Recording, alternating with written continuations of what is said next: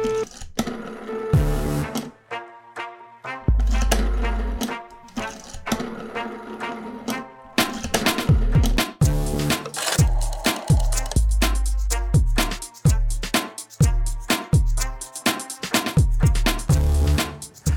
Dobar dan, dobrodošli. Evo nas ponovo zajedno u podcastu Pitajte Đuru. Broj telefona na koji se možete javiti, postaviti vaše pitanje, to je Viber broj 069 893 0023. Pišite na Facebook, Instagram i Twitter mrežu ili vaše pitanje šaljite na e-mail adresu pitajteđuru.nova.rs. Prošlog utorka, tačnije prošlog podcasta, e, pričali smo o tome kako je opasno ono što se dešava širom Srbije, pogotovo u Beogradu na nekoliko lokacija, a to je paljenje e, raznoraznih sirovina koje su na kraju njihov proizvod je kancerogen. Primer za to je bio, e, bilo jedno pitanje gledateljke sa Čukaričke padine na onom delu između Obrenovačkog puta i Radničke ulice. Dakle, svi znamo koji prolazimo tamo o čemu se radi. Tu zna biti nekad toliko dima da prosto ne možete da razaznate da li je magla ili je dim ili je ko zna šta. Načeli jesmo temu, moj tadašnji sagovornik bio je Bojan Simišić e, preko Skype-a, a evo danas je i ovde kod nas e, uživo u studiju, pa ćemo malo opširnije pričati na tu temu. Bojane, dobar dan, dobrodošao ponovo. Hvala što si me ponovo pozvao. Evo, prošlo je 11 meseci, pa pre nego što se osvrnemo na, na ovaj primjer, vratit ćemo se na njega, ali evo, posle 11 meseci, šta se može reći u kakvom je stanju naš, naš vazduh? Je li Beograd i dalje među prvima po zagađenosti u svetu? I na kraju krajeva, eh, kako je uopšte to moguće? Dakle, kako smo došli u tu poziciju da Beograd bude jedan od najzagađenijih gradova u svetu i to eh, prvi, drugi, treći, pa tim nekim redosledom treći, drugi, prvi? Ok, ajde da krenemo ovako redom. Ove, što se tiče tih 11 meseci, nije bilo nikakvih pomaka što se tiče smanjenja zagađenja vazduha. Znači, bukvalno nije sprovedena nijedna mera, što lokalna, što na nekom regionalnom nivou da je mogla nešto drastično da promeni. Um, jedino što se promenilo jeste da je usvojen taj akcijni plan. Ne znam koliko si ispratio ti, ovaj, malo se pričali javnosti, ne toliko puno.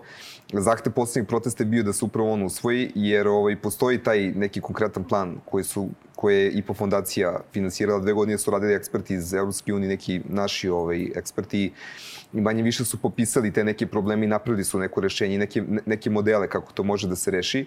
Međutim, taj plan je samo usvojen za sada i u budžetu za ovu godinu nisu usvojena sredstva. Tako da će vjerojatno sačekati još godinu dana da nešto konkretno krene da se dešava po tom pitanju. Um, Kad kažeš akcioni plan, šta to znači? Je li to samo mrtvo slovo na papiru koje nikad neće biti sprovedeno u delo ili tu ipak je to neka početna stavka koja mora da obezbedi zakonski okvir kuda idemo i kako delujemo? E pa to je sad, kažu da đavo leži u detaljima, to su bukvalno sad ti detalji o kojima pričamo. Znači svaki plan ako se ne sprovede, on jeste mrtvo slovo na papiru. Međutim, oni imaju, sad imaju neki osnov, znači imaju neku, neku financijsku procenu koliko to može da košta i ne samo to, nego postoje neka tri modela. Recimo, ako se neke mere primene, koliko će se smanjiti smrtnost od zagađenja za, ne znam, recimo jedan naredni period. E sad, neki plan jeste valjda da, da do 2030. da se prepolovi ta godišnja koncentracija tih suspenovih PM2,5 čestica i ovaj, postoji tačno procena u životima koliko bi se svake godine života spasilo kada bi se svaki od tih scenarija primenio i ovaj, na kraju krajeva za taj neki uloženi novac koliko bi se na kraju to finansijski isplatilo, pošto u suštini ono što, što se manje priča jeste kolike su finansijske uštede svake godine ako smanjimo problem zagađenja, zato što postoje jedno opterećenje za Republički fond za zdravstveno osiguranje, znači ne samo kroz fond kroz koji se lečimo, već kroz neke izgubljene radne sate i ceo taj jedan uzročno-posledični niz koji prozrukuje iz toga. Tako da ovaj, na tom dokumentu jesu radili ozbiljni ljudi koji znaju šta su problemi zagađenja, koji su imali neka iskustva ovaj, u inostranstvu, jer naravno mi treba samo da prepisujemo rešenje, ali tako ne treba da izmišljamo točak. I vlada Srbije znači već ima nešto čime konkretno može da se bavi. U principu sada je zaglavljeno kod para. To je sledeći kanal Pa kad pominješ te pare, o, o, o kom novcu govori? E ovako, taj, po tom uh, po tom akcijnom planu sredstva koje su potrebne da se izvoje da se prepolovi to zagađenje do 2030. je 2,6 milijardi eura. Ja sad to ovako na gomili zvuči kao, kao dosta novca, međutim kada se vide koji su finansijski troškovi zagađenja svake godine, mi ćemo na kraju uštedeti samim tim što budemo investirali. Kad Tako da- pominješ da, te modele, kažeš tri modela, može li se to ukratko reći kako, koji su to modeli? Pa pazi, izdašta ima jedno 200 i nešto strane, uh mhm. -huh. poprilično i obima. Sad je ovako ne, ne mogu iz glave, to može, uh, javno je dostupan na ekologija.gov na, na sajtu ministarstva i sad ima neki W tipa A, B i C, ovako iz glave pričam. Mislim da je prvi taj neki model, valjda ako se primjena samo, samo regulativa koja već postoji, tipa da se smanje emisije sumpor dioksida iz termoelektrana, i još neke mere koje, za, za koje već vlada Srbije donela neke odluke, znači samo ono što su rešili da sprovedu, u principu 2500 života ovako iz glave bi se smanjilo svake godine izgubljenih. E sad, ovaj, ti možeš da izračunaš to koliko mi za jednu celu dekadu, na primjer, možemo samo po tom jednom scenariju da spasimo ljudi godišnji koji bi umrli zagađenja, kamoli ako se sprovediš neke mere kao što su recimo subvencije za energetsku efikasnost i i šta već stoji tamo. Hajde kad to baš pominješ, te, e, stiglo mi je jedno pitanje koje upravo se odnosi na te subvencije za energetsku efikasnost. Znamo da je, dok je Zorana Mihajlović bila pri ministarstvu, uh mhm. -huh. da se sufinansirala zamena e, stolarije, alustolarije i tome slično. Dakle, da li će se to nastaviti? Imaš li tu informaciju? Pa pazi, ovaj, u principu ti kada slušaš njih, mislim svaku iziju ministarstva, da li je ministarstvo energetike ili zaštite životne sredine, to su uvodi ko radi i to, to su mere se već sprovode, malte ne, mi idemo ka tom blagostanju, ali u principu ono što je poenta kroz ono merenje što mi vidimo da se ništa ne pomere jeste da se faktički ništa ne dešava. U principu neke informacije koje imamo tih lokalnih samouprava da jako mali broj domaćinstva uopšte dobilo uh, te subvencije, da u principu procedure je trenutno komplikovana, da postoje mnogi izazovi na kojima treba raditi. Da, u principu za poslednjih 4-5 godine cena valjda postavke te izolacije za domove je otišla toliko duplo da sad i sa 50% subvencijom ti se vraćaš na ono Početno. što je bilo ranije. Tako da mi gubimo vreme, gubimo korak sa tim i sve, sve teže uhvatiti se. Tako da ovaj, u principu sredstva koje treba da se obezbede više ne mogu da budu tako mala Nemam sad tačno brojke u glavi, ali ovako, iz glave mislim da Ministarstvo zaštite životne sredine trenutno ima nekoliko miliona godišnje, do recimo 10 miliona im je budžet za ne, nešto što mogu da, da, da daju, da ima nek, neki konkretan rezultat, ali kao što, što vidiš po tom planu je 2,6 milijardi, znači to je jako, jako je veća suma koja mora da se uloži, a mi moramo stvarno taj problem, kako da ti kažem, znaš, to kozmetički, mi da izolujemo 5 do 10 domova, ništa od toga ne možemo da uradimo. Tipa plan je valjda do 2030. godine da se otprilike polovina tih domova koji su energetski neefikasni, Neefikasni. da, da im se pomogne znači, da zamene svoje grejno telo i da izoluju dom. A ko treba da obezbedi tih 2,6 milijardi evra? Da li je to samo iz e, našeg budžeta ili bi tu trebalo da uđu i neke evropske i svetske investicije? Pa pazi ovako, u principu plan, koliko ja razumem, znači plan je napravljen, on ne sugestira na koji način će država da se finansira. Ove, ovaj, I to je, ja mislim, trošak koji bi država trebala da, a sad, naravno, znači, njena subvencija nije 100%. E sad, tu ima neka kategorizacija, valjda, za neke gradove koji su ugroženi i koji su manje ugroženi. Mislim, mislim ponovo ovako iz glave da ide od 50 do 90% subvencije. Tako da jedan deo čak i građanstvo naravno mora samo da da, jer nikad nijedna subvencija nije, nije 100%. E sad... A jesu li građani svesni e, u kakvom stanju se nalazimo? Na, mislim da na vašem sajtu sam pročitao da dnevno od posledica raznog zagađenja uh, umre od 15 do 20 ljudi u Srbiji. Čak i više. Po, postoji nekoliko procena tih i manje više su to slične cifre. U principu na godišnjem nivou samo od suspendovanih PM2,5 čestica umre između 10 i 15 hiljada ljudi. E sad, e, taj podatak koji ima Evropska agencija za zaštitu životne sredine je 15 hiljada ljudi, a taj novi akcijni plan misli da ima oko 13.400. Mislim, pošto je to matematičko moduliranje, naravno to se ne broji u glavu, već uzimaju se mortaliteti, znači iz, iz statistike ovaj, iz Zavoda statistiku, znači po broju umrlih ljudi od tih nekih bolesti koji su vezane za zagađenje, dolazi se do tih proračuna po tim godišnjim koncentracijama. Manje više možemo da kažemo da tu, ajde recimo između 10 i 15 hiljada ljudi, što ako pogledaš, podeliš sa 365 da dođe čak nekih 30 do 40 ljudi dnevno. E sad, šta je fora?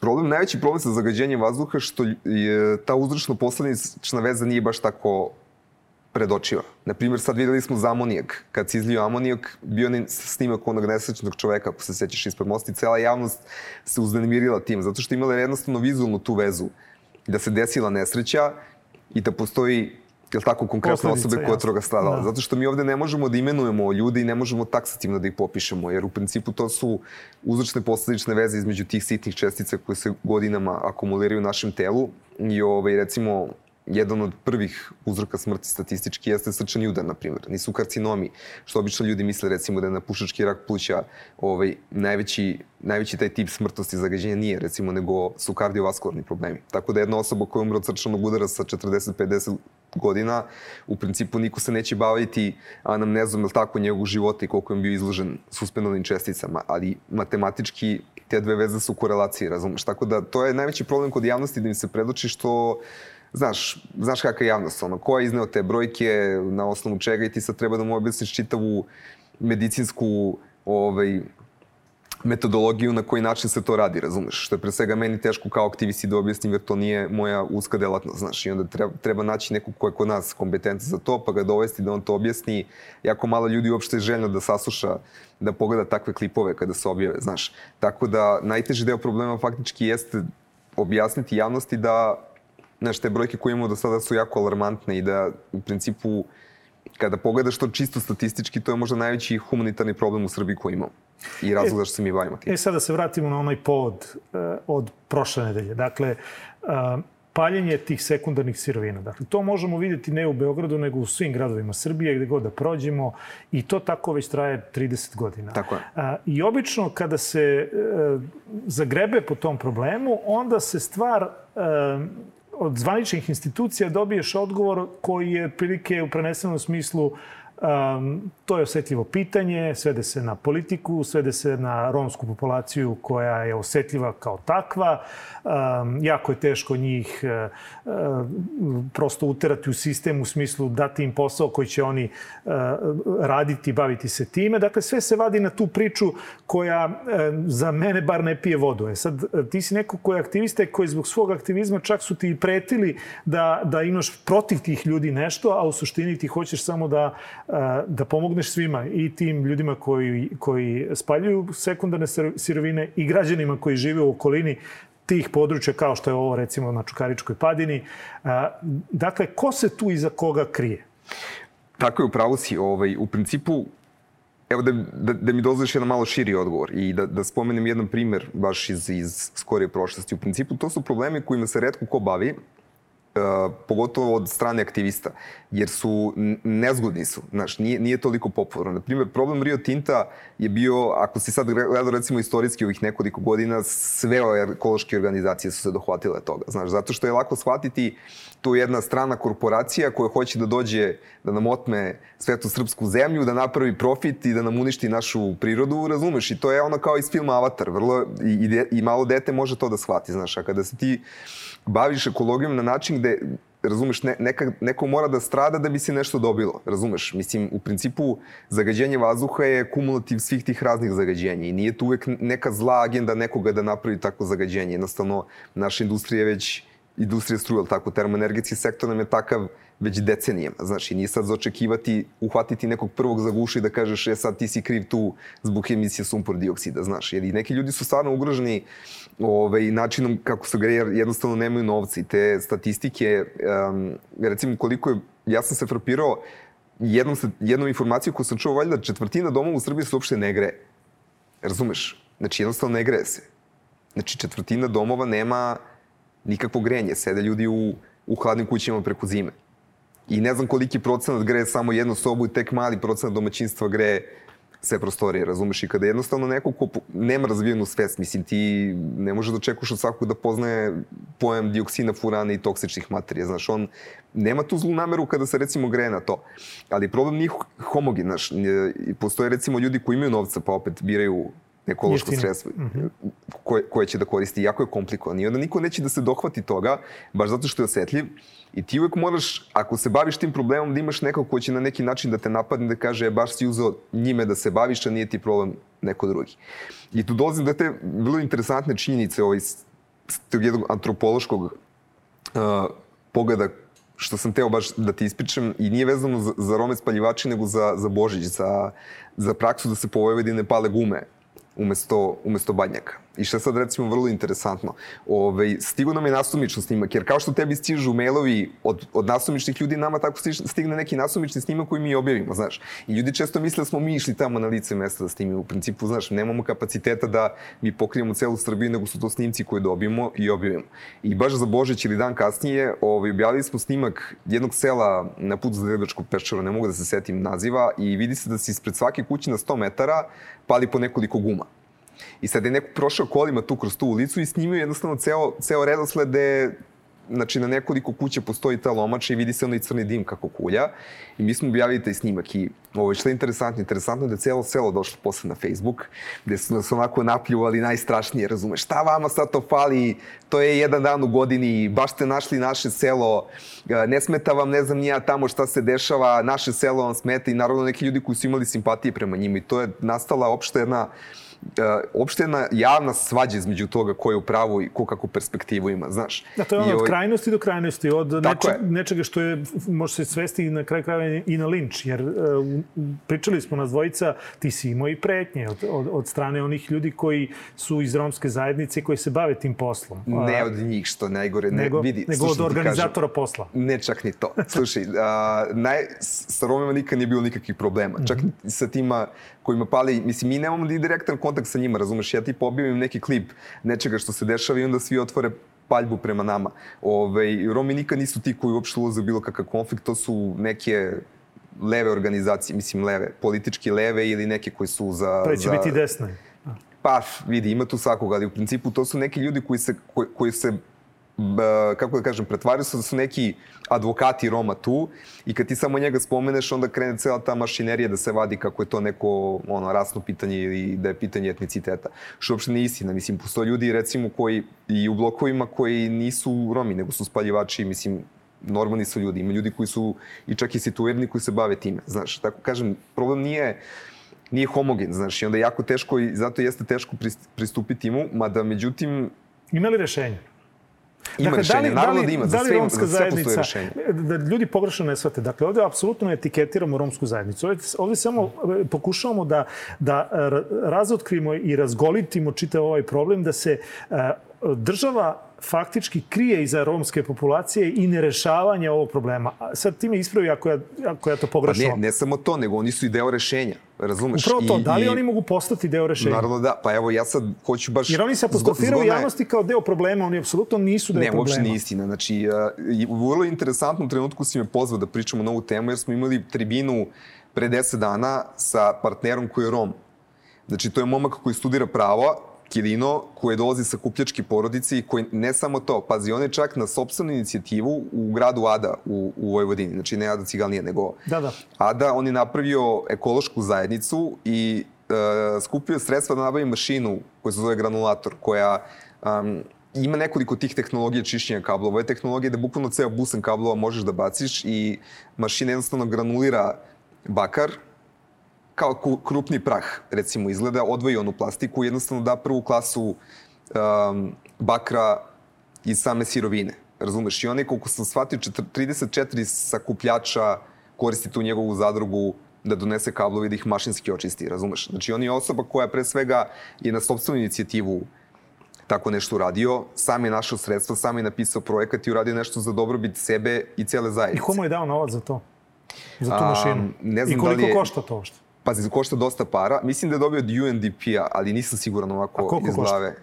Mislim da, mislim da je čak oko 100.000 eura ta njegova mašina. Ali to je jedna od najskupljih ima i jeftinijih varijanti. Pa znaš. dobro, evo, da li, da li si popisao bar za Beograd koliko ima takvih, takvih uh, prostora kao što je ovaj na Čukaričkoj padini? Jesmo i da ti završim priču. U principu, igrom slučaja preko prijateljice sam došao do Kilina i napravili smo neku zajedničku konverzaciju i neke zajedničke, kako da kažem, imenitelje u našim problemima i zato smo napravili saradnju. Prvo smo napravili tri, tribinu i on nam je bukvalno partner koji će rešiti ovaj problem. Jer imam jedan veliki problem da recimo, baš zbog toga što si ti rekao, ovaj, ja mogu da nabavim sredstva, mogu da nabavim mašine, ovaj, mogu da uradim dosta toga da da budem deo rešenja, ali malo je nezgodno da recimo eko stražak organizacija ide u u, u romska naselja da priča sa Romima. Jasno. I čisto iz razloga zato što će se upotrebi protiv nas, razumeš? Čak i tu da mi ne odemo da se snimimo nešto kao da, da smo nešto pretencijozni, razumeš? Čak i da najlepše pričamo, toliko osetljiva tema i toliko je lako vadi iz konteksta da može da nam se obio glavu. Ovako imamo partnera koji može da uradi taj posao za nas. Znači jednostavno mi da završimo logistički deo, on može da uradi tu komunikaciju sa njima i jedna od ideje jeste da nabavimo nekoliko jeftinih mašina, pošto ta mašina koju je nabavio, on je jako skupa, to je ceo, ceo pogon, jednostavno, to je cela traka, razumeš, ono, baciš kabel, pa ne znam, ono ga vuče, ono jedan deo upad, mislim, sad ja pričam kao lajk, razumeš, Ali koliko tu ljudi može biti uposleno u toj čitavoj priči? Pa pazi, a, može da bude uposleno dosta, Recimo ali... po, toj jednom, po tom jednom postrojenju. Pazi, ovako iz glave nemam pojma. To bi bilo dobro, recimo, jednom prilikom da se nađemo svi pa da ti on ispriča više, više na tu Dobro, temu. Znaš, prilike. jer ovaj, ne mogu, nisam, nisam se te, tehnološki bavio tim jer sam gledao drugo rešenje jer postoje jeftiniji ti, jeftinije metode za čišćenje kablova iz izolacije. Razumeš? Jer Eko Straža može da, crowd, crowd, kako da uradi crowdfunding, jer mi nismo velika organizacija koja ima donacije, razumeš? Ono, mi možemo samo da skupimo pare od građanstva jer smo sami uh, sami se ne finansiramo iz toga i možemo samo neko jeftinije rešenje da nađemo i našli smo mašine koje koštaju oko 800 evra. Znači, to je mašina gde se jednostavno ima kako da ti objasnim, jedno 10 trupica, zavisno od dijametra kablova, ti ga gurneš, on ga svuče i recimo jedno bilo bi 20 do 50 puta brže nego da ti sediš i ručno da skidaš tu izolaciju. I naša ideja je recimo da po svim tim mahalama po Beogradu gde se spaljuju kablovi, da nabavimo 1, 2, 3 i da recimo merimo narednih par meseci kakav će da bude učinak. Ukoliko je uspešan da probamo da skupimo finansije i da po celoj Srbiji napravimo jednostavno, ajde ne zovemo te neke mini depoje, gde bi svako mogao da dođe i da očisti mašinski te kablove, razumeš? Pa čak ako zaživi da kupimo i neke skuplje mašine, ukoliko se pronađu sredstva. Znači, te od 800 evra bi mogle bar u nekom uh, srednjoročnom ovaj, vremenu da, da, da reše problem. Pazi, naravno da Koliko bi... ima tih deponija po, po Beogradu? Mogu da ti kažem recimo jednu dobru informaciju zašto smo vrlo pozitivni da to može da upali. Jer ovaj, na ledinama je recimo jedan sakupljača I on je baš izjavio kao da mu se eko straža popela na glavu, razumeš ono, jer mi smo svaki put kad se zapali, znaš, zovu se vatrogasci i komunalna policija, ne valjda čovjek jednostavno skontao da mu je finansijski nisplatljivo, da mu stalno gase to tamo i da mu razbio poslovne čovjek sam napravio, napravio tu mašinu za skidanje izolacije. Znači, neku ručnu bušilicu spojio kao razumeš, neku osovinu da vrti, jednostavno napravio taj sistem kao da, da sam može mehanički da guli kablove, razumeš? I to onako kad pogledaš čak i s obzirom da u kućnoj radinosti napravljeno poprilično impresivno dešava, razumeš? Ako je on sam napravio sebi mašinu, zašto recimo drugi ne bi odbili da im neko da jednostavno mašinu i samo da im kaže, ok, samo vodite računa o njoj. Mislim, ono, koristite kako treba i dajte drugima koji su voljni da dođu da, da to učisti, da, da očiste, ono, budite dostupni to za njih to da uradite i nema razloga zašto ne bi zaživjelo. Mislim, možda da, možda, možda ne. Postoje ljudi koji imaju negativnu, kako da kažem, znaš, ljudi su generalno negativni. Da sve što ti vidiš ko rešenje, javi ti se 10 ljudi koji će ti kaže, ma, neće to nikad zaživeti. Ali vidi, niko nikad nije probao. Razumeš? Tako da ono, ja sam u fazonu da probamo nešto da, da, da, da probamo da uradimo, pa ako ne uradimo, bar ćemo znati da nije uspelo. Nisi mi odgovorio, dakle, koliko ima tih deponija bar po Beogradu? Imaš li neki Vidi, precizan? a, ima jedno 5 do 6 lokacija gde se stalno pali. E sad, uvek izbije neko privremeno žarište. Kad kažem stalno, znači da se bar jedan put nedeljno, recimo... Bežanijska kosa, Čukarička padina. Ovako, znači ima na Bežani, na Čukaričkoj padini, na Ledinama, tamo blok 70 preko puta ima neka improvizovana deponija. Ispod Pančevačkog mosta, uh, naselje Mali, Mali Leskovac, mislim da se zove, iza Karaburme tamo i ne mogu da se setim da li ima još negde ovako iz glave. Pazi, ali neke su mobilne, znaš, tipa neka to bude u Čukaričku, na Čukaričku pali, neka to bude recimo tamo dalje u šumi, razumeš? Nekad Ali ka, da, da li tim mašinama, da li je neophodna struja? Pa pazi, jeste neophodna Jer oni struja. slače struju isto na divlje, dakle. Oni, oni Pa dobro, ali, njihov, ali oni su već u svojim naseljima, pazi, nama čak nije ni problem da Ima tu više ideja. Znači, vidi, mi nismo logistički odredili sad kako će to tačno da bude. Zašto je to pitam? Pitam te da, da tim rešenjem jednim ne uđu neki drugi problem. Um, Jer tu uključena lokalna samouprava. Zna li lokalna samouprava da postoji mašina od 800 evra koja bi mogla bar da na tom mikronivou da, da reši problem zagađenosti vazduha? To je da, da nemaš situaciju da voziš automobil da ne znaš da li je magla ili dim i da se pre nekoliko godina čovjek izvrne na krov obilazići jedno, onaj njihov ono sklepano, onaj automobil, kako se to može nazvati automobilom, i skoro ostane u kolicima. Pazi, ovako, ja mogu da ti kažem jednu stvar. E, to rešenje kad sam ja prvi put spomenuo i mi tada nismo bili u mogućnosti da skupljamo financije iz, jer nismo ni bili registrovani kod udruženja. Sad da te ne, ne gnjevi sa tom pričom, ali pre dve godine ja sam konkretno predsednik u opštini Čukarica predložio da oni skupe tu, da skupe novac i da, ne, da postave mašinu recimo u nekom, u nekom depovu gradske čistoći na opštini Čukarica, razumeš, bilo gde, gde oni mogu da dođu da očiste te kable, njegov odgovor je bio ja neću da stimulišem kriminal. Zato što su svi ti kablovi kradeni i to je to. Znači, za svako rešenje oni uvek vide neki problem ili neki izgovor zašto oni to neće da urade. E sad, vidi, to jeste legitimno pitanje što će svi da pitaju, kao što si ti rekao, šta će da bude sa tom strujom, da li su ti kablovi kradeni ili ne znam nija šta, ali ovo je poenta sledeća. Znači, da li su kablovi ukradeni ili ne, oni će na svaki način da se, u svakom slučaju će se spaliti. Razumeš? Znači, jedino što mi možemo kojako straža da uradimo jeste da probamo da im obezbedimo alternativnu metodu da oni to urade mašinski. Razumeš? Znači, ja ne mogu da budem policija da ih jurim, niti hoće se bojim uopšte tim, iskreno ti kažem. Razumeš? Kako je, kako je do toga došlo? Oni da su mogli više da ukradu, oni bi sigurno više ukrali, pa bi ih opet spalili. Razumeš? Znači, mi ne možemo nikako da stimulišemo dodatni kriminal sa tim, niti možemo da stimulišemo krađu struje bilo šta. Mi smo čak spremni da koje god struje treba da se plati, da to isto fundraisujemo. Razumeš? Jer ja ne vidim po bilo kojoj računici da će to da košta više od nekih 5000 dinara mesečno po, po mahali, u kakvom god scenariju. Razumeš? Tako da za sve što, uh, za sve, za svaki problem može da se reši i može da se pronađe neko rešenje I ono što ti garantuje da ljudi koji žive na Čukarici ili bilo gde oni su spremni da daju, brate, pare samo da ne moraju da, diše, da dišu te kancerogene materije. Bar njih 800, koliko ih je bilo prošli pa, put kad su se okupili. Ja ti kažem da su ljudi, uh, uvek se to, znaš kako, i lokalna samouprava, bilo ko, uvek pokušava da napravi konflikt između građanstva, jer to mi je najlekše, razumeš? Ljudi čukarički, sa čukaričke pali protiv, protiv Roma, razumeš? I sad, oni kad su pravili proteste 2015. godine, pazi, meni su pričali, to je znači pre jako straža, razumeš, kakvi su oni problemi imali. To, to je isto bila ta priča, razumeš, ono. Naci doktor vo, predvodi, razumeš, ono, stanovniki jer im smetaju kao Romi tamo, razumeš. Ljudi kažu, alo bre, žive nam deca tu, razumeš, on dišu dioksine i furane, razumeš, daj čoveče bre, ono, dajte da skupimo pare da ih zaposlimo negde bilo šta. Ljudi koji su ugroženi neće da urade sve samo da im se problem reši. Jasne. I to je poenta svake priče, razumeš. I jedina prava vodilja jeste da na kraju dana ti kad sabereš sve tebi najveći problem da ti imaš decu koji su izložena kancerogenim materijima, ti ne možeš ništa da uradiš da ih sačuvaš. Razumeš? Znači, na Čukaričkoj padini jedno vreme, ako se sećaš, bile su najjeftinije nekretnine Bile su jedno 30, 300, 400 evra manje nego na Balnom brdu. I meni to bilo čudno, nikad nisam razumeo. I onda su mi tek ljudi objasnili ovaj, zbog čega je to, razumeš? Jer jednostavno zbog, zbog kancerogenog dima niko nije hteo da kupi te stanove. Znaš. Sad, kad već pominjamo spaljivanje, pre nekoliko nedelja jedan od narodnih poslanika izašao je za, u, u skupštinski hol i pozvao nadležne, dakle on to nije tvrdio, ja sam nekoliko puta, dobio sam taj link e, i nekoliko puta sam ga pogledao, on ne tvrdi da se to dešava, već poziva nadležne organe da ispitaju da li je tačna informacija da se u Smederevu uh, i u još nekim uh, mestima, u nekim fabrikama spaljuje medicinski otpad koji se uvozi iz Evrope i da otprilike to spaljivanje košta uh, jedna kila, jedan evro, dakle jedna tona, hiljadu evra taj posao i da to zbog toga da mi imamo u noćnim satima veće zagađenje nego u sred dana kada je kompletna industrija u da, pogonu, da, da. kada su automobili na ulicama. Dakle, da li je to tačna informacija, to jest da li je ovako pitanje na mestu?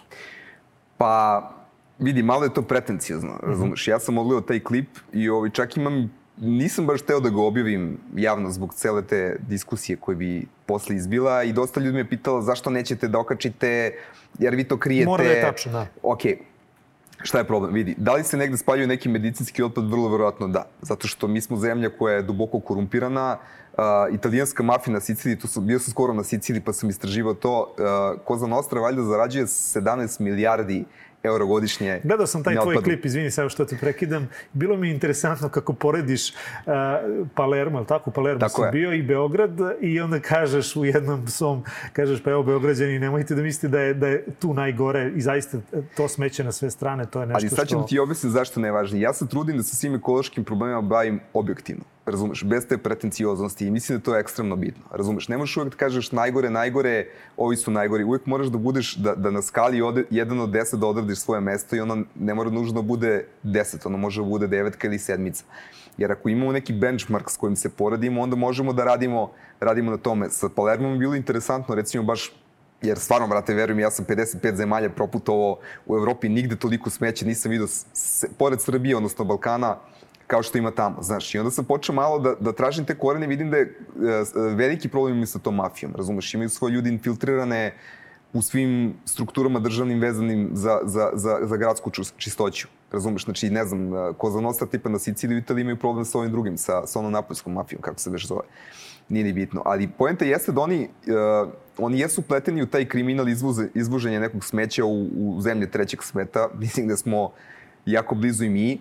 I sigurno jeste da se ovde uvozi. Ja, ja znam lični primjer da se uh, COVID otpad u Drvaru u Bosni, u nekom starom magacinu su jednostavno sve one uh, iz jedne italijanske COVID bolnice ubacili sve one i stari nameštaj, posteljinu i to nije nikakva skrivena informacija, to stvarno možeš da nađeš sada ako budeš googlao, razumeš? I da li se negde spaljuje neki medicinski otpad, sigurno da, ali pazi, ovde se spaljuje blato termoelektranama, ovde se spaljuju u servisima kancerogena korišćena ulja, razumeš, da bi, da bi ovaj, ljudi imali grenje na taj metod, spaljuje se sve i svašta, pa ok, spaljuju se gume u cementarama, sigurno se spaljuje negde medicinski otpad. Međutim, ono što je meni zasmetalo kod tog poslanika, što on tvrdi da je nama noću zagađenje veće, veće. zbog toga. Mm -hmm. Što je um, jako opasna manipulacija činjenica, zato što onda je, da je recimo hteo malo da se pozabavi tim, evo i recimo ja... Da... Ne tvrdi, on samo dolazi, dovodi u vezu. Pa okej, okay, znaš šta, to je ta, to je, to je ta tipična veza ono, prvog impulsa, razumeš? Znaš, tipa ja vidim da je sve ravno i ti sad mene ubeđuješ da je zemlja okrugla. Ok, moraš malo da uđeš u neku naučnu metodologiju ili da pitaš nekog, da konsultuješ ko se razume tim, pogotovo ako si narodni poslanik i da preuzmeš malo odgovornosti. Zato što on kada spomene tako nešto, sada svi stvarno misli da je noću zbog nekog iracionalnog razloga. U suštini, vrlo je prosta stvar jer je svuda zagađenje noću veći. Jer je u principu meteorološki, ovaj, meteorološki faktori u pitanju, jer kada se atmosfera ohladi, svo zagađenje se slegne u niže slojeve, razumeš? Znači svuda u svetu i, u, i svako veče, svake zime u Beogradu vidjet ćeš da ta kriva jednostavno ide tako. Šta to znači? Da noću ne treba džogirati? Pa vidi, nije noću, ako ćeš da biraš doba dana kada ćeš da budeš na polju, najbolje je da to radiš u podne.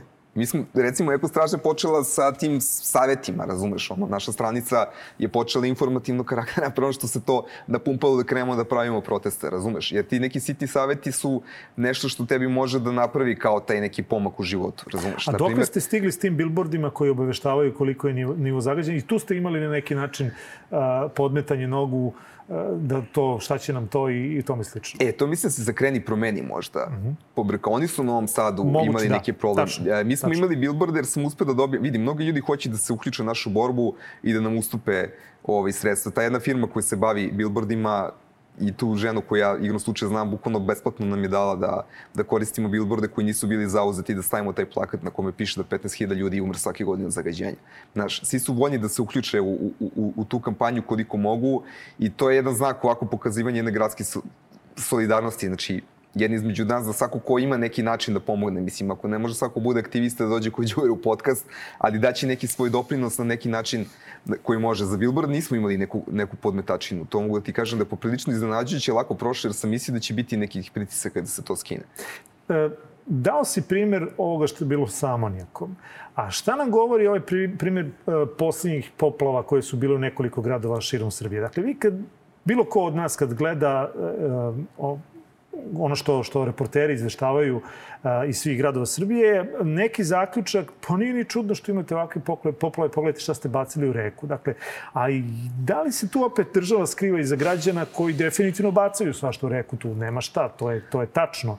Ali da li je zagađenje reka razlog, jedini razlog za ovo što smo imali opet poplave? Dakle, malo, malo veća kiša i mi imamo probleme u mnogim gradovima širom Srbije. Pa vidi, to je o, e, pitanje ko je kriv država ili građani je slično pitanju ko je sta, šta je starije, kokoška ili jaje. Uh mhm. -huh. ovaj, zato što su to dve, dve promenjive koje su uzajemno vezane. Znaš, i često ti kada isto to, kada kritikuješ jedne, oni svale novog drugog, razumeš? Svakog građanina kada kada kinjiš zato što napravio divlju deponiju, on će da nađe neki razlog. Naravno ne kaže država kriva. Uvek kada kaže državu, pa mi ne možemo ništa da radimo sa pojedincima. U suštini odgovor ni jedan ni drugi nije tačan. Znači, država uvek može da kontroliše pojedinca, znači naši Srbi kada odu u Švajcarsku vrlo brzo se dovedu u red, znaju gde se baca, gde se ne baca, zato što će da dođe... Ali ti koji se dovedu u red kad se vrate ovde, e, vrate bravo, se ponovo svojim navikama. Bravo, ako klipa, bio je klip pre jedno baš godinu i po dve, ovaj, neki bračni par se vratio iz Švajcarske i baš ih ti pita. I šta nam to govori? A? Šta pa nam to nam govori da... Ovaj, ljudskoj prirodi ili o nečemu drugom? Nije o ljudskoj prirodi, jednostavno... Um, mislim da je njima usađeno da je jednostavno ovde sve moguće. Razumeš? I oni čak i u Švajcarskoj gledaju to kao da ih sistem globi, znaš. Radi, ne mogu da radim ni ovde šta hoću, nego moram da bacam u kantu, onda kao kuće je sloboda. Znaš, on gleda kao na slobodu da može da radi šta god hoće. Jednostavno, to su ljudi, vidi, ti ljudi iz Švajcarske su neki, neka radnička klasa, razumeš, koje, ne, ne stavljamo kao klasno pitanje, ali jednostavno on, on stvarno nije radio na, na, na tome da on shvati zašto taj sistem u Švajcarskoj tamo, on je Burazar otišao tamo da, da rinta, razumeš, ono, da radi, da dođe s kući slovom, jednostavno je svoj život tako shvatio, razumeš? On ide na lokaciju A da zaradi novac i onda se vrati na lokaciju B gde može da radi šta hoće. I, to je a, jako teško mentalno ti da možeš da radiš sa takvim ljudima, razumeš? U principu, mislim da je globa, odnosno kazna, jedini metod, ali ona nikada ne može da je sama. E sad dolazimo na, na tu drugu stvar kada je država kriva. A, vidi, po nekim selima u Srbiji stvarno ne postoji kontejner po 10 km. Razumeš? Jednostavno, znaš, neko neće da vozi, brate, 10 km svaki dan. I ti gleda čak i finansijski koliko mu goriva treba da ode do toga i on će da frkne 300 metara od kuće i tako će da napravi divlju deponiju. Razumeš? Jer i svi ti problemi su uzročno posledično vezani jedan za drugi, ali nijedan ne može da rešiš jer ovaj jedan deo problema će uvijek da kaže a ti si sad našao mene kao krivca, a nije ti kriv onaj drugi. Razumeš? I kada a država... Da, uh -huh, kaže. E, o, mislim da je ovo ono punchline. E, država kada hoće da reši problem, ona mora da reši sve segmente. Razumeš? I tu dolazimo do jednog ključnog odgovora na pitanje, ako mene baš hoćeš da pitaš ko, ko aktivistu šta je, mislim da, da, da je problem. Problem jeste što svaki problem koji rešimo, ne rešimo sve njegove segmente. Evo recimo sada je ona sajla, ako sećaš, imaš na Potpićkom jezeru i, i na Drini. Dobro kod Višegrada. Vidi Koje zaustavlja ono, ono smeće. Da. Znači, to smeće nije sve završilo tako što je neko bacio po flašicu. Razumeš? Pre svega, jedan deo problema je uvezen iz Crne Gore. Znači, dosta smeća, recimo, dođe Ibrom i, i Limom iz Crne Gore. Znači, već u našoj zemlji, čak mi da smo savršeno čisti, imali bi taj nasleđeni otpad. A da stavimo sajlu na granicu.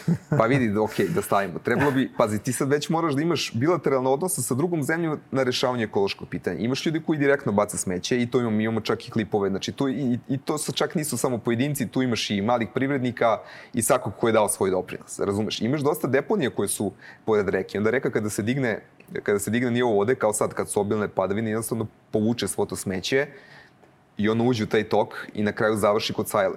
Razumeš? Znači, nije to direktno bačeno, već je jednostavno deponija koja je bila Jasno. napravljena na priobalju, koju su opet napravili po, a pojedinci, a po dva država koja nije napravila alternativu za to. Razumeš koliko je tu segmenta samo, i mi vidimo onu sajlu koja završi na BBC-u. Razumeš? I oni kažu, evo, Srbi stoka, i mi kažemo, pogledaj kako je narod neodgovoran. U suštini to je jedan problem koji samo država može da reši, ali može da ga reši tako što uzme svaki segment razbije i reši ga zajedno. Ali evo, tih segmenta koje ti nabrajaš, jedan mi pada odmah uh, u, u, u oko, a to je, uh, kažeš, šalju ljudi klipove i vi imate klipove. I šta s tim klipovima koji završe na YouTube-u i na svim ostalim mrežama, samo se vrte? Ima li od toga, dakle, ako neko snimi klip, gde postoji kamion koji stovara kompletan onaj, onaj gepek ili kako se to već zove, kiper uh, u, u reku nečega, imaju njegove registarske oznake.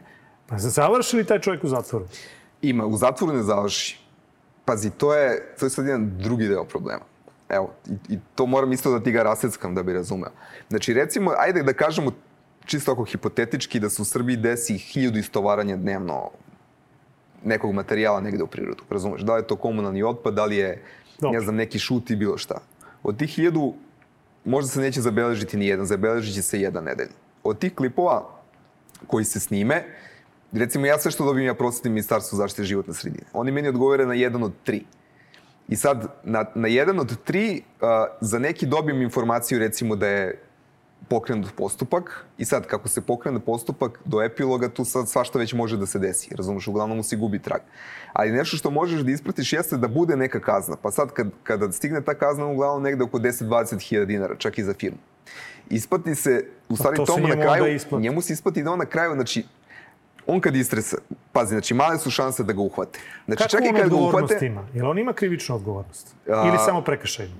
pazi ovako, postoji, uh, postoji sad tu tumačenje, zavisi šta je šta. Zašto Recimo, to pitam? Te, te e, snimke kad šalješ, šalješ samo u Ministarstvo za zaštitu životne sredine ili bi trebalo da ih šalješ i Ministarstvo unutrašnjih poslova? Dakle, je to krivično sad, delo? Uh, pazi ovako, znači ministarstvo, uh, odnosno MUP sada ima posebno dodeljenje za ekološki kriminal to je nešto što je Vulin uveo i za sad nemamo baš neke informacije. Oni na papiru tu rešavaju mnogo šta, ali generalno ja kroz neke rezultate nisam bog zna šta video. Ali u principu sada kada Ministarstvo zaštite životne sredine pošalješ nešto, ne možeš valjda da šalješ tom sektoru direktan mail, ne postoji njihov javni kontakt, već oni, oni proslede. Tako da za neke stvari su prosledili i opet nemam epilog, jer znaš kako, taj broj slučajeva onda ako prešaltaju jedno ministarstvo u drugom, ti ni nemaš pisani trag u stvari nekog broja slučajeva ko, ko, ko, koje možeš da pratiš, ali u principu e, neke stvari jesu krivično delo, ali neki nisu, jednostavno su prekršaj, komunalni prekršaj. E sad, to je, to je taj đavo leži u detaljima, razumeš? Na primjer, zapaljenje gume i kablova, e, to delo može da se sprovede čak kroz e, krivično delo nesavesnog tretmana otpada ali nikad nije tako tretirano, razumeš? I u principu, za ljude koji pale gume, nemam čak ni jednu informaciju da je za, za, nemam ni jednu informaciju da je za bilo koji kabel ili gumu neko uopšte čak na kraju dobio kaznu. Ne mogu da kažem da se to nije desilo, ali evo ja kao neko iz ekološkog pokreta koji se bavi tim, nemam tu povratnu informaciju. Jer je to takođe jako teško. Recimo, kad se zapali guma, to za Božić. Pod jedan, jedan policajac ne radi za Božić. Po dva i da rade, uvek je to policajac iz lokalnog sela koji neće da piše tim ljudima kaznu. Može li se tu pisati, recimo, prijave za nečinjenje svih u lancu odgovornosti? Znaš kako može i ali sad koji je uspeh toga to je sve razumeš jednostavno Znaš, protiv inferiornog sistema jedan mali čovjek ne može ništa da uradi. Razumeš? Znači, ja sad, mi možemo i da tužimo državu i ko zna šta mi možemo da uradimo. Na kraju šta je efekt toga, to je vrlo veliko pitanje. Za kraj, samo kratko, koje akcije slede? Imate li sad nešto u planu? Pa, pazi, imamo naravno. U principu ono što Eko straža pokuša jeste da imamo kontinuitet. Razumeš? Znači, ja se stvarno trudim da napravim organizaciju koja neće mnogo da luta, da šalta, već da ima taj jedan cilj. Smanjenje zagađenja, omasovljenje svesti. Konkretno ćemo da, da bušimo, što se kaže, u tu rupu, ali počeli smo recimo da konkretno imamo rešenje za skupljenje sekundarnih sirovina. Uh, ima, sad će biti prva tribina u Novom pazaru, to mogu da kažem, ako baš sam onako baš hoću da se pohvalim sa tim da smo napravili saradnju sa njima i da mislim da će to biti prva tribina tamo. Novi Pazar je grad sa najvećim zagađenjem u Evropi. Ne znam znaš tu informaciju. To smo imali ove, pre neki dan, videli smo to. Tako je. Ove, imamo akciju tu za vrni rukavi koju sprovodimo već dugo i to nam je neka ideja da napravimo akciju čišćenja koja će biti masovna kao što su radili Slovenci u Estoniji, ako si pratio. Ono, tipa da se za jedan dan očisti na što više lokacija, kao napravi se neka onaj... Uh, to je više awareness kampanja nego što ti možeš da pokupiš tog smeća, ali ide se kao na što veći broj ljudi da izađe. Imali smo 2500 ljudi pre jednog godinu i po dana, sad hoćemo da, da probamo da srušimo taj rekord. I tako, mislim, ima svašta nešto. Ono, Dobro, imamo samo... još dosta vremena da postanemo vidite. kao Slovenija. Kažu da je to najčistija zemlja na, na svetu. Mm, čito pa vidim, sam... je, među, da, mislim da su na top 10 da su dobili ekološkim, godine. tako je, ali mislim da su u Evropi sigurno jedno na imaju Ljubljana recimo reciklira, ne znam, ovako ponovo iz glave, jedno 50 Kažu da ima dosta Srba tamo. Pa ima ih, da. Bojane, hvala puno na, na izdanom vremenu. Eto, proći opet 11 meseci, pa ćemo se vidjeti, vidjet ćemo, eh, pod, podući ćemo crtu pa da vidimo dokle smo stigli. Hvala ti na pozivu. Hvala još jednom. Eh, moj današnji gost bio Bojan Simišić eh, iz Udruženja Eko Straža, a broj telefona otvoren za vaša pitanja 069 893 0023. Pitanje šaljite i na Facebook, Instagram i Twitter mrežu Pitajte Đuru ili na e-mail adresu pitajteđuru.nova.rs.